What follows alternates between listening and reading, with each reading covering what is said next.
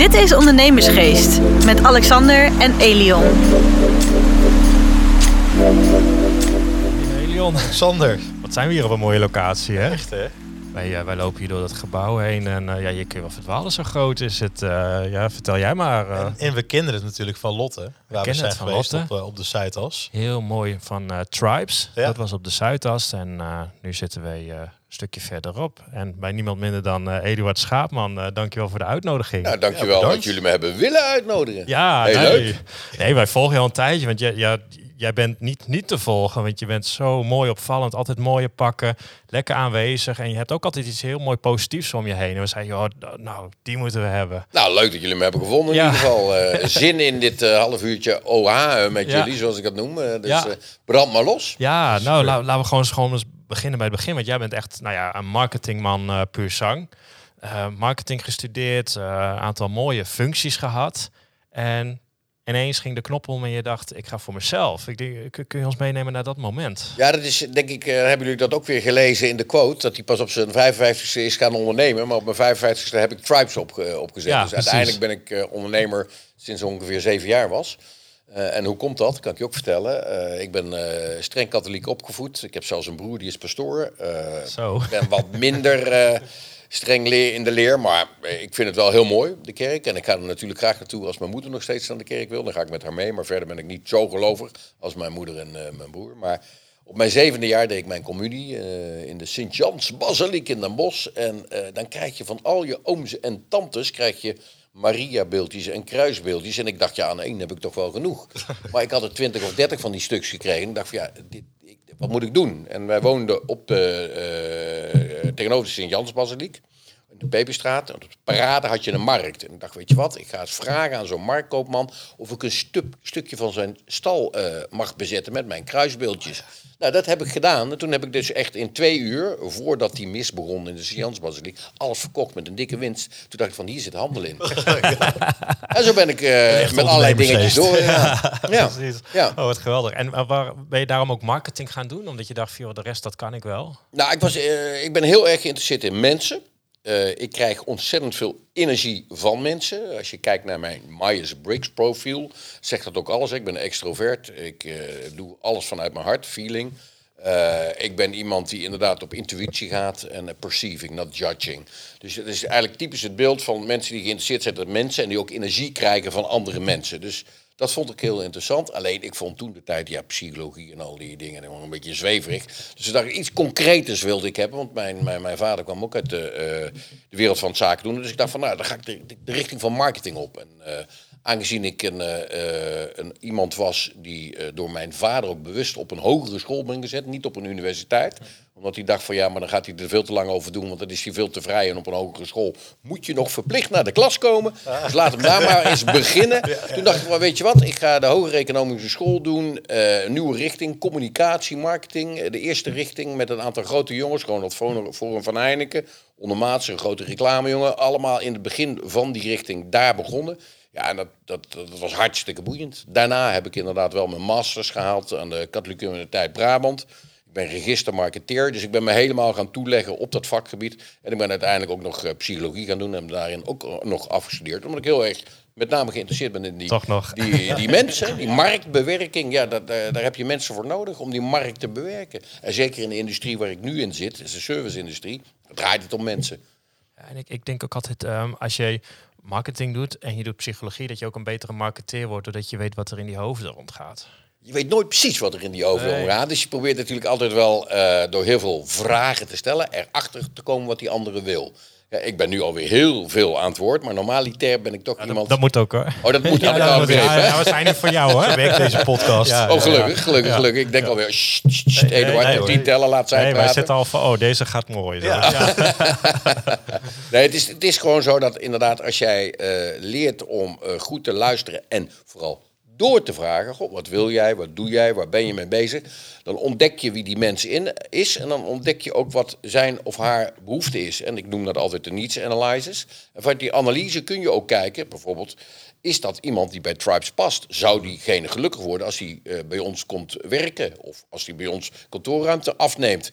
En door zo'n vraaggesprek kom je er al gauw achter en weet je of je interessant bent voor die andere partij. En als je niet interessant bent voor die andere partij, moet je dat ook gelijk zeggen. Joh, hartstikke leuk, maar je moet absoluut niet bij ons komen. Je kunt beter naar mijn con- concurrent Regis of Spaces gaan. Want, want nou ja, dan gaan we meteen maar even Tribes. eh, je, je, je bent Ja. met Tribes begonnen. Nou, fantastisch mooi concept. Ehm, maar ik, misschien kun je het zelf nog even uitleggen voor de mensen die, die denken Tribes, waar heb je het over? Eh, Nou ja, Tribes eh, Inspiring Workplaces. Mooi Engels, maar dat komt natuurlijk omdat we een internationaal bedrijf zijn. Ik vind Engels ook een hele mooie taal. By the way. ja, Maar wat doen wij? Wij zorgen in ieder geval dat ja, iedereen die op een kantoor wil werken, dat kan doen vanaf een uur, dag, maand, week, jaar, net zolang als hij of zij wil, met één tot honderden werkplekken. Eh, dus, eh, en daarbij verzorgen we alles tot aan de paperclip toe. Dus je hoeft niks meer te doen. Je komt hier naar binnen. Je hoeft eigenlijk alleen je computertje mee te nemen. Als je die niet hebt, kunnen we dat ook nog regelen. En je kunt aan het werk, per uur. ja. Ja, natuurlijk, hè, in Nederland heb je verschillende concepten. Nou, Ja. Dat gaf je net al aan. Reaches, Spaces, eh, nou, noem ze allemaal maar op. Nou ja, je hebt de grootste speler is natuurlijk eh, de International Workplace Groep. Ja. En die heeft een aantal merken. Ja. En dat is Spaces, dat is Reaches, dat is de Office Operator. eh, maar nog een aantal andere brands ook in het buitenland. Dat is eigenlijk de nummer één in Nederland, by far. Maar daarna komt Tribes We hebben maar één merk, Tribes Inspiring Workplaces. En IWG zou ons heel graag eh, willen overnemen. Maar ja, dat zijn we nog niet eh, van plan om te doen. Maar je hebt ook nog een aantal andere players. Hè. De Collection die is hier nieuw. Eh, je hebt StockDoc. je hebt een aantal nieuwe players die in de markt zijn gekomen. Maar qua aantallen locaties zijn wij de nummer twee in Nederland. En dan heb je ook nog een hele grote Amerikaan. WeWork, maar die zit maar op vier locaties hier in Amsterdam. Heel veel in het nieuws ook geweest. Wat zeg je? Heel veel in het nieuws ook geweest. WeWork. Volgens mij ook. Die zijn ook in het nieuws geweest. Eh, dus daar krijg je engagement eh, van. Maar ik weet niet of je die engagement ook wil hebben. Precies, exact. eh, Laat ik mij netjes uitdrukken. ja, heel mooi gezegd. Hey, en en jij, jij, je hebt die gebouwen ook ingericht en dat doe je aan de hand van een aantal stammen. Ja. Kun je ons eens meenemen in dat verhaal? Want Ja, dat, dat is tuurlijk wel kan ik heel er mee bijzonder. nemen. Dat is ook weer een verhaal wat teruggaat naar eh, 2009. En ik heb dit eigenlijk pas opgezet in 2015. Maar in 2009 eh, stond ik aan de sterfbed van mijn vader. En die zei, ja, Eduard, luister, ik heb één ding nog niet gedaan voor onze familie. En dat is dat we weer worden opgenomen in het patriciaatsboekje.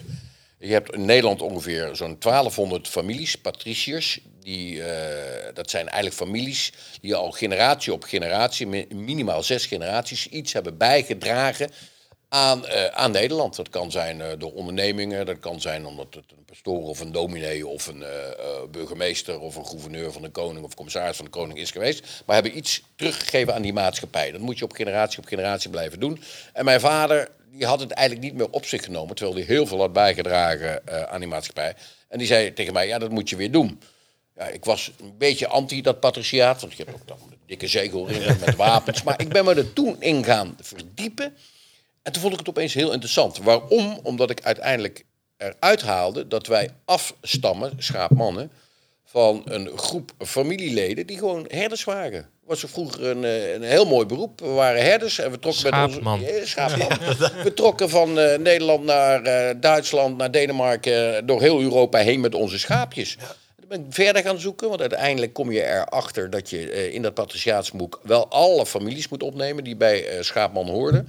Het zijn uiteindelijk 243 mensen geworden in totaal. Er zijn er iets meer bijgekomen, er zijn ook wel wat afgevallen in die tijd. Er wordt overleden, nieuwe geboortes bijgekomen.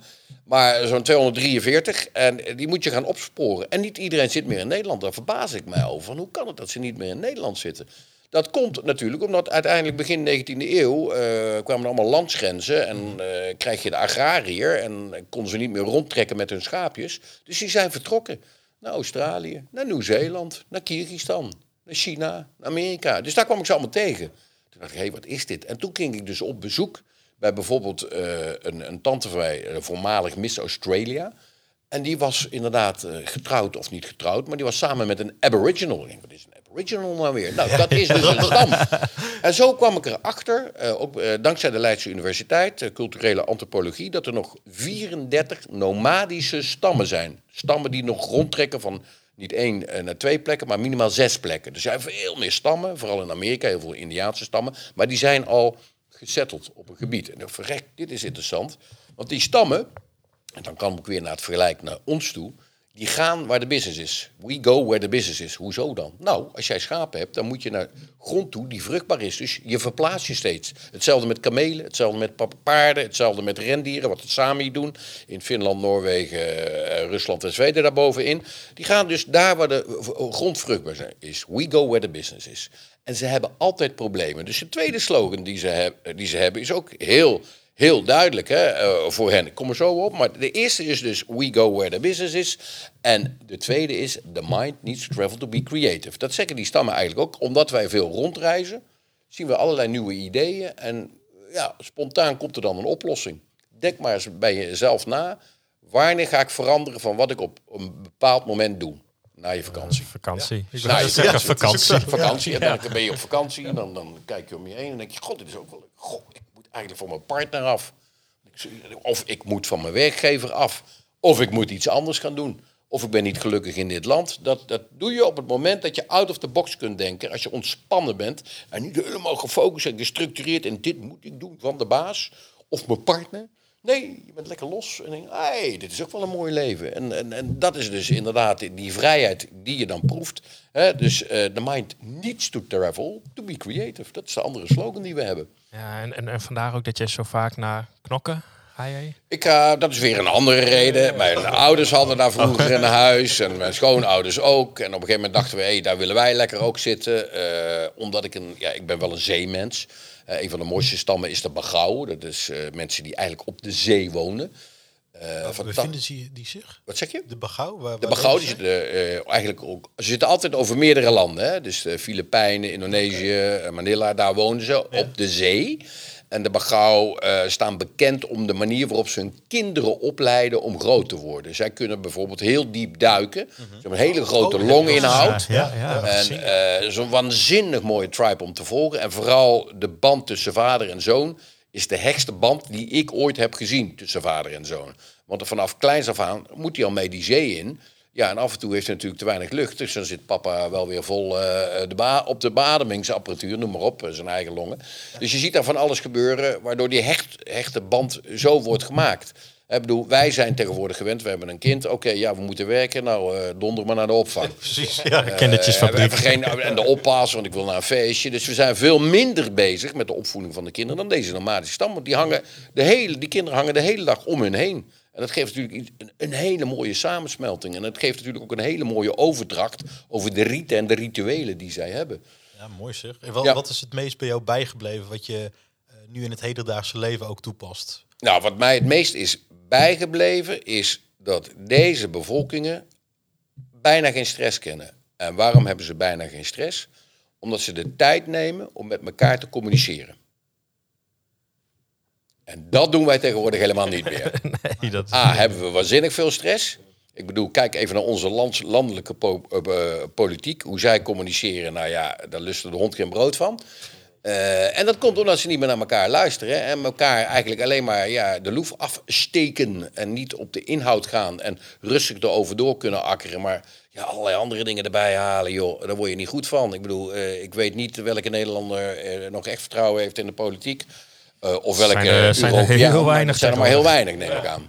Ja, want, want dat is ook zoiets wat... Dat zullen jullie trouwens wel van Robert Helbron hebben gehoord. Want die was natuurlijk ook bij jullie in de, in de ondernemersgeest. Ja, ja, ja. onze ja, ja. podcast meteen de politiek in. Dus Ja, ja, ja, ja, het is niet helemaal geslaagd. Jammer, want ik vind het ontzettend een sympathieke gast. Ja, maar dat wel Recht door zee, dat, dat zijn we natuurlijk niet gewend in Nederland. hè, dat nee. recht door zee. Benoemen eh, wat je ervan vindt. Ja, ja, maar je had het ook al eh, zien Ja. zitten hoor, in zo'n zetel. Zou Ja. leuk zijn. Ja, ik Ja, had het wel leuk Reuring gevonden in de stad Ja, ja. Amsterdam. Ja, ja, ja, ja, ja, ja, ja. Nou ja, toen ging hij maar op wintersport. Ja. toen ging hij maar weer reizen.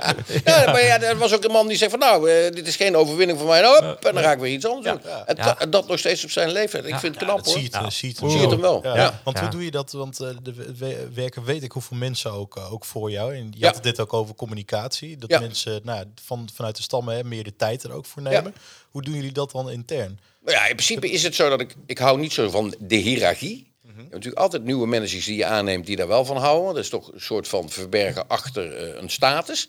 Eigenlijk moet je met iedereen in gesprek. Als jij dadelijk hier naar mijn hostesses gaat lopen en eh, vraagt wat doet Eduard, gaan ze je precies vertellen. Want met hun heb ik ook een gesprek. Ik heb gewoon met iedereen een gesprek. Als ik op een locatie van mij kom, ga ik niet alleen met de manager praten. Dan praat ik inderdaad met de hostesses, dan praat ik met het schoonmaakpersoneel.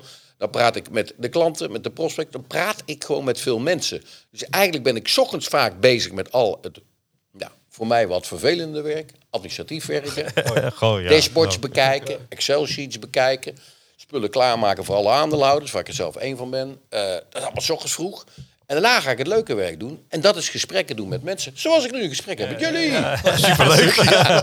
Nou, maar dat, dat viel ook op aan de sfeer. Toen je hier binnenkwam, dat ten eerste al, we moesten naar een andere ruimte, want die was bezet. Dus ah, in een echt hiërarchische organisatie hadden zij even ergens anders moeten gaan zitten. Ja. Eh, op een gegeven moment stond je te wachten zodat er een hele club nog langs kon romen. Eh, het personeel hier tot de schoonmaker aan toe staat ons met een glimlach te ontvangen en te groeten.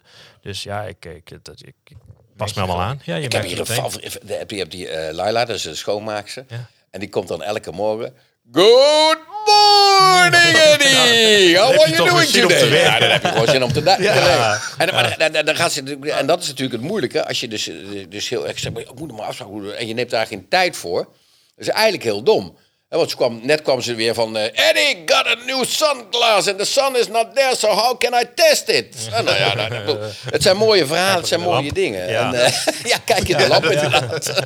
Ja, en, en, en als we dan hè, nog even het sterfbed van je vader, eh, je wil in die uh, patriarchenfamilie, Ja. je ging die stammen bezoeken.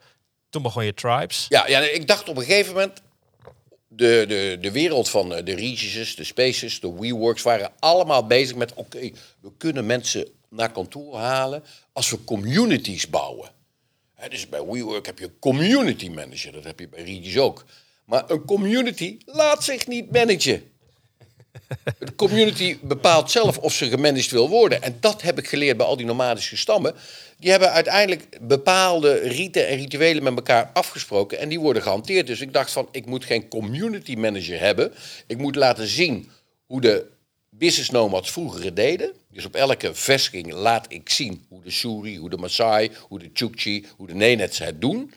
En dan kan die community zichzelf vormen. Dus je ziet hier dat de communities worden gevormd door eh, de klanten, door de prospects, die hier bij elkaar in het gebouw zitten. En die vragen dan aan de, de, de locatiemanager, de chief op de locatie, chief natuurlijk, hoort bij tribes. Oh, kun je dit voor me regelen? Kun je dat voor me regelen? Kun je dit doen? Dus we zijn veel meer een facilitator en niet een bepaler. We hoeven niet te bepalen wat jullie hier moeten doen als eh, klanten. En dat is het grote verschil. En dat heb ik ook een beetje geleerd, eh, of heb ik heel erg geleerd, bij de bezoeken aan die nomadische stammen. Ja, heel mooi. En je, en je gaf net ook al aan, hè, eh, geven, iets teruggeven. Hè, want Ja. je vader wilde weer wat teruggeven aan de Ja. maatschappij. Dat is volgens mij ook een van jouw motto's. Ja, dat is een van mijn zes motto's inderdaad. want- want- Give something back. Ja, want, want, wil je door die motto's heen nemen? Want dat zijn en geweldige levenslessen, geweldige ondernemerslessen. Ja, Eh, ja, Ik denk dat iedereen daar wat aan ja, heeft. Ja. Nou ja, kijk, de, de laatste die ik altijd zeg, give something back. Hè. Je moet uiteindelijk ook nagaan. We moeten niet vergeten, iedereen die hier in Nederland woont, ja, echt iedereen. En dan kunnen we het hebben over de armtegrens en weet ik wat. Maar iedereen die hier woont, heeft een boterham. En kan een dak boven zijn hoofd hebben als hij daartoe aanzet. Maar dan moet je wel dat zelf ook willen realiseren. Want vaak wordt er gezegd, oh, eh, heel veel mensen kunnen het niet. Maar ik bedoel, eh, als we nu even naar de Oekraïne kijken... dan is dat heel wat erger dan wat wij nu op dit moment Exact. hier meemaken. hè. Dus we kunnen inderdaad klagen over die hoge energierekening. Of we kunnen inderdaad klagen dat dit niet goed is. Maar als je typisch kijkt naar de Noord-Europese cultuur... is nummer één in het hoofd... wanneer, tegen wie kan ik zeuren? Nou ja, Eh, eh, eh, eh, en, en dat maakt het wat negatiever. Dus uiteindelijk, hè, een andere regel die ik heb is avoid naysayers. Iedereen die nee zegt, ja, eh, oké, dan, dan niet. Oei, dag. Hè, dus, dus daar moet je niet naartoe. Eh, eh, zorg dat je jezelf blijft. Blijf puur. Eh, ben niet bang om fouten te maken. Want hoe meer fouten je maakt, hoe beter je wordt. Dus ik denk dat ik eh, veel meer fouten heb gemaakt dan jullie twee samen. En daardoor ben ik zo ver gekomen. Ja. Misschien moeten jullie gewoon meer fouten maken. Dan kom je nog verder. Goeie Ja, tip. ja, ja. Ja, dat is ook een van mijn eh, dingen. Hebben we in het bedrijf ook hoor. Dat we tegen personeel zeggen. Weet je, maak maar gewoon fouten en leer ervan. Dan Ja. hoef je het niet nog een keer. En nog mooier als je het dan ook nog even met iedereen wil delen. Want dan Ja. hoeven we het niet allemaal nog een Ja, keer dat te is een ander eh, motto wat ik heb. hè. Stel je kwetsbaar op. Ja. Hè, Dus, dus durf inderdaad te zeggen, ja, verdomme, dit is, eh, dit is dom voor mij. Dit is stom, dat had ik anders moeten doen. Ja. Want iedereen is wel eens een keertje chagrijnig of heeft slecht geslapen of weet ik wat. Ook ik. Dus dan Ja. moet je dan ook zeggen, oh ja, dat had ik inderdaad niet zo moeten doen. Ja. En dat doe je ook. Dat doe ik al heel Ja. te vaak nog Ja, steeds. Maar dat is supergoed, stel je ook open op. Nou ja, kijk, het, het, het is gewoon zo, en dat, dat, dat, dat weet elke ondernemer. Uiteindelijk kun je een onderneming als deze, met deze grootte, niet alleen opzetten. Daar heb je mensen om je heen voor nodig die bepaalde capaciteiten hebben die jij niet hebt. Dus hoe kun je complementair aan elkaar zijn? Eh, eh, eh, in de hiërarchische organisaties is de baas altijd die zegt, nou, ik weet alles en ik kan alles. Dat kan niet, je kunt niet alles weten. Kan helemaal niet. Dus zorg dat je mensen om je heen verzamelt die bepaalde dingen veel beter doen, veel beter, waar ze veel beter in zijn. En dan ga je met elkaar groeien. Ja, Hè, dus het is, het is teamplay. Het is, het, het is geen individuele sport. Alhoewel een individuele sport. Mathieu van der Poel, Max Verstappen. Dat kun je wel zeggen, ja, dat zijn solisten. Die hebben een gigantisch team om zich heen. En dan moeten ze mee communiceren. En dan moeten ze inderdaad gaan kijken... hoe kunnen we nou zorgen dat die motor de volgende keer niet in de fik gaat. Nou, dan, Oh, dan moet Max ja. wel aan zijn team gaan vragen. Ja, oh, drama was dat. En wat, wa- wat was je doel eigenlijk toen je, toen je Tribes was eh, gestart? Of, of destijds je einddoel? Dat Je dacht, wat wil je Kijk, dat is nou typisch iets wat, eh, wat de structuur, hè, dat, eh, dat vragen de ondernemer, wat is je einddoel, wat ben je mee bezig? Nou ja, ik wil gewoon de nomadische stammen uitbeelden en ik wil op een bepaald aantal vestigingen eh, laten zien wat die stammen doen. En uiteindelijk zijn er 34 nomadische stammen en die 34 nomadische stammen wil ik uitbeelden. Nou, daar ben ik nog niet, hè. we hebben er tot nu toe zo'n 25 uitgebeeld, dus we moeten er nog 9 doen. Ja, ik zie- Dan ben ik helemaal klaar. We zitten in Nederland, Duitsland en België. En natuurlijk is er vraag in andere landen. Maar voor mij is het zo van, ik wil, mijn basisidee was altijd, ik wil uitbeelden waarom deze mensen zo gelukkig zijn. En omdat het heel moeilijk is om al die nomadische stammen zelf te bereiken, ben ik dat op locaties gaan doen.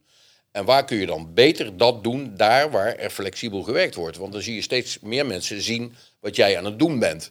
Eh, en natuurlijk eh, is er ook een gedachte bij mij van... oké, ik ga naar die 300 vestigingen toe in Europa... en ik wil een keertje naar Amerika. Eh, dat zijn de businessbelangen die er ook in meespelen. Maar mijn basisidee is altijd geweest... die nomadische stammen, daar moeten we eens naar terugkijken. Daar kunnen we ongelooflijk veel van leren... in de hedendaagse samenleving. En dan komen we veel verder. En dat is, dat is mijn basisdoel geweest. Dus in principe is het niet alleen dat ik bezig ben eh, eh, eh, met tribes als inspiring workplaces. Maar ja, je ziet mij terug inderdaad in allerlei tv-uitzendingen waar dan ook tribes wordt besproken. hè. Bij Hoe Heurt Het, bij, bij ons in de PC, ja. nu bij eh Donnie in the Money. Ik wil het verhaal over die nomadische stammen breder uitzetten. Bij Sky is the Limit in België. Dus ik heb overal wel gezeten met dat verhaal. En ik ben bezig met een eigen docu. Waarbij ik dus inderdaad binnen 20 minuten eh, laat zien wat die stam doet. Dus ik ga op bezoek bij die stammen in mijn bekende pakken. En ga hen vragen, ja, wat eten jullie, wat drinken jullie, hoe werken jullie samen, wat doen jullie? En daar krijg je ontzettend veel verhalen van terug. Hè. We zijn nu net bij de Sami geweest. Daar hebben we negen uren filmmateriaal van terug. En dan moet er een documentaire komen van 20 minuten. Oh, dat is flink. Oh, dat is snijden. Dat, is, eh, dat is gelukkig niet mijn klus. Nee. Oh, Maar zo zou kun je bijna duidelijk vertellen ook van oké, eh, de manier waarop ze werken. Daar hebben wij als business nomads ook heel veel aan. Je kunt dus als professional ook zien, oké, dat lossen ze dus op die manier op. Want zij gaan daar niet zitten als er een probleem is van, goh, we hebben een probleem. Hé, hey, dit hebben we nog nooit meegemaakt. Hoe gaan we dat eens. Er oplossen? moet er een commissie bij komen en dan eh, Ja. gaan ze een rapport schrijven. Ja, ja, maar dat gebeurt daar niet. En als ze iets niet weten, dan hebben ze daar een raad van wijze mannen en vrouwen. Ligt er een beetje aan welke tribe je hebt. Het kan of alleen mannen zijn, of alleen vrouwen, of een combinatie. En dan gaan ze ten rade bij die wijze mensen. Want hebben jullie dat in het verleden wel eens meegemaakt? En als dat niet zo is, komen ze zelf met een oplossing.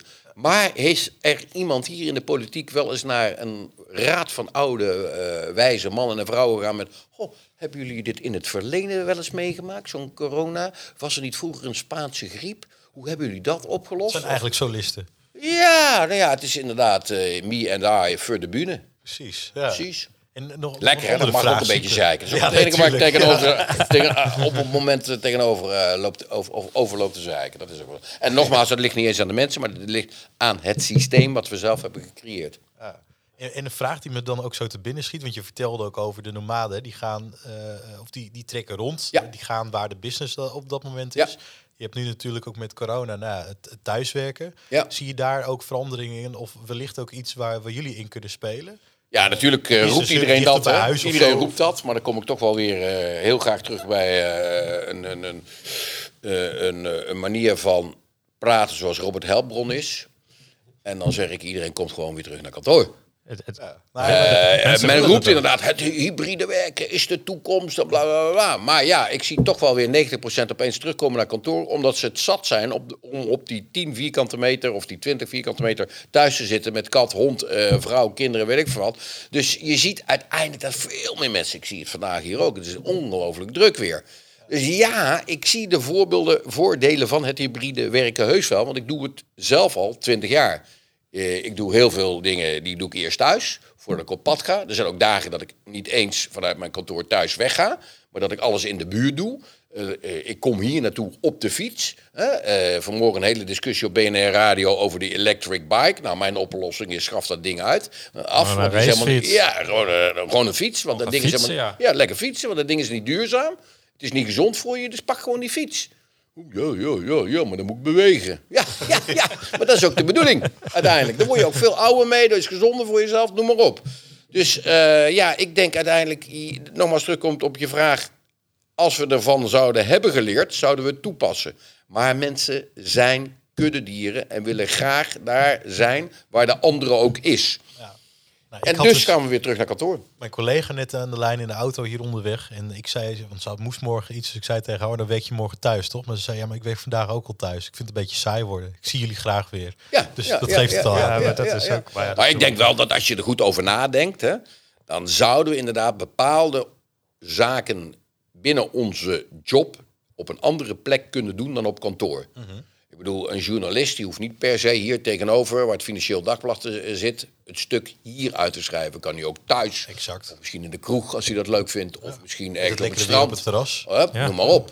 Dus als je erover na gaat denken en je gaat iedereen afrekenen op output, in de plaats van op uren dat hij op kantoor is, dan zouden we er kunnen komen. En er zijn heel veel bazen die nog eigenwijs zijn en hiërarchisch zijn ingesteld en die willen het liefst mensen in de buurt hebben, want dan kan ik zien of ze wel werken of niet. Dat zeggen wij ook altijd, van je, je wordt betaald voor het resultaat. En dat, daar gaat het om. Ja. Als jij dat in een kwartier kan doen, nou leer het Ja. mij. Ja, Want- ja, ja. want dan wil ik dat ook. En hoe je het doet, doe je het. Weet Ja, je? nee, dat klopt. En, Absoluut. en, en wat je ook zei, wat uh, aanhaken bij Elion ook, wel, ja, dat het ook wel de eerste coronagol. Iedereen massaal naar huis en na twee weken kwamen ze allemaal weer terug. ja, we hebben dat gelukkig nooit aan. gehad, hè, want wij zijn altijd open geweest. Ja. Mijn mensen ook. vonden dat ook heerlijk. Ja. Dus Ja, uiteindelijk, mijn mensen vonden het heel vreemd dat bijvoorbeeld eh, in de zomer kwamen mensen hier weer terug naar kantoor. En die hadden zoiets van, oh, eng, kantoor. Ja. Hebben die mensen allemaal? Ja, dat vonden ze helemaal raar. En hoe gaat iedereen met elkaar om?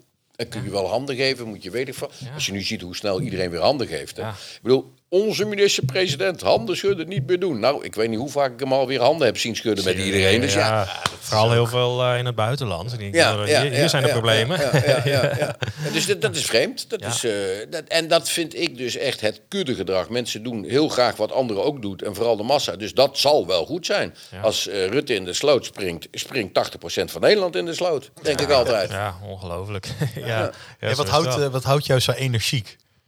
Nou, dat komt omdat ik eh, A, A, een hele lieve vrouw heb en eh, fantastische kinderen. Eh, en daar doe ik het allemaal voor. En aan de andere kant, ja, ik sport gemiddeld acht uur in de week. Ik Zo. ga gewoon lekker op tijd naar bed. Is dat fitness, fietsen? Nou, fietsen sowieso, want fietsen geen sowieso. e-bike, hè? eh, dus in principe, nee, vandaag is dinsdag, dus dan kom ik op de racefiets hier naar Amsterdam vanuit het Gooise. Dus dat is 30 kilometer heen, 30 kilometer terug. Wel binnen het uurtje, want anders eh, gaat het te langzaam. Eh, maar verder doe ik ook, eh, gisteren heb ik, kijk je wordt ouder, dus je spieren breken af. Dus je moet echt wel aan spierkracht en krachttraining doen. Dat doe ik dus op maandag.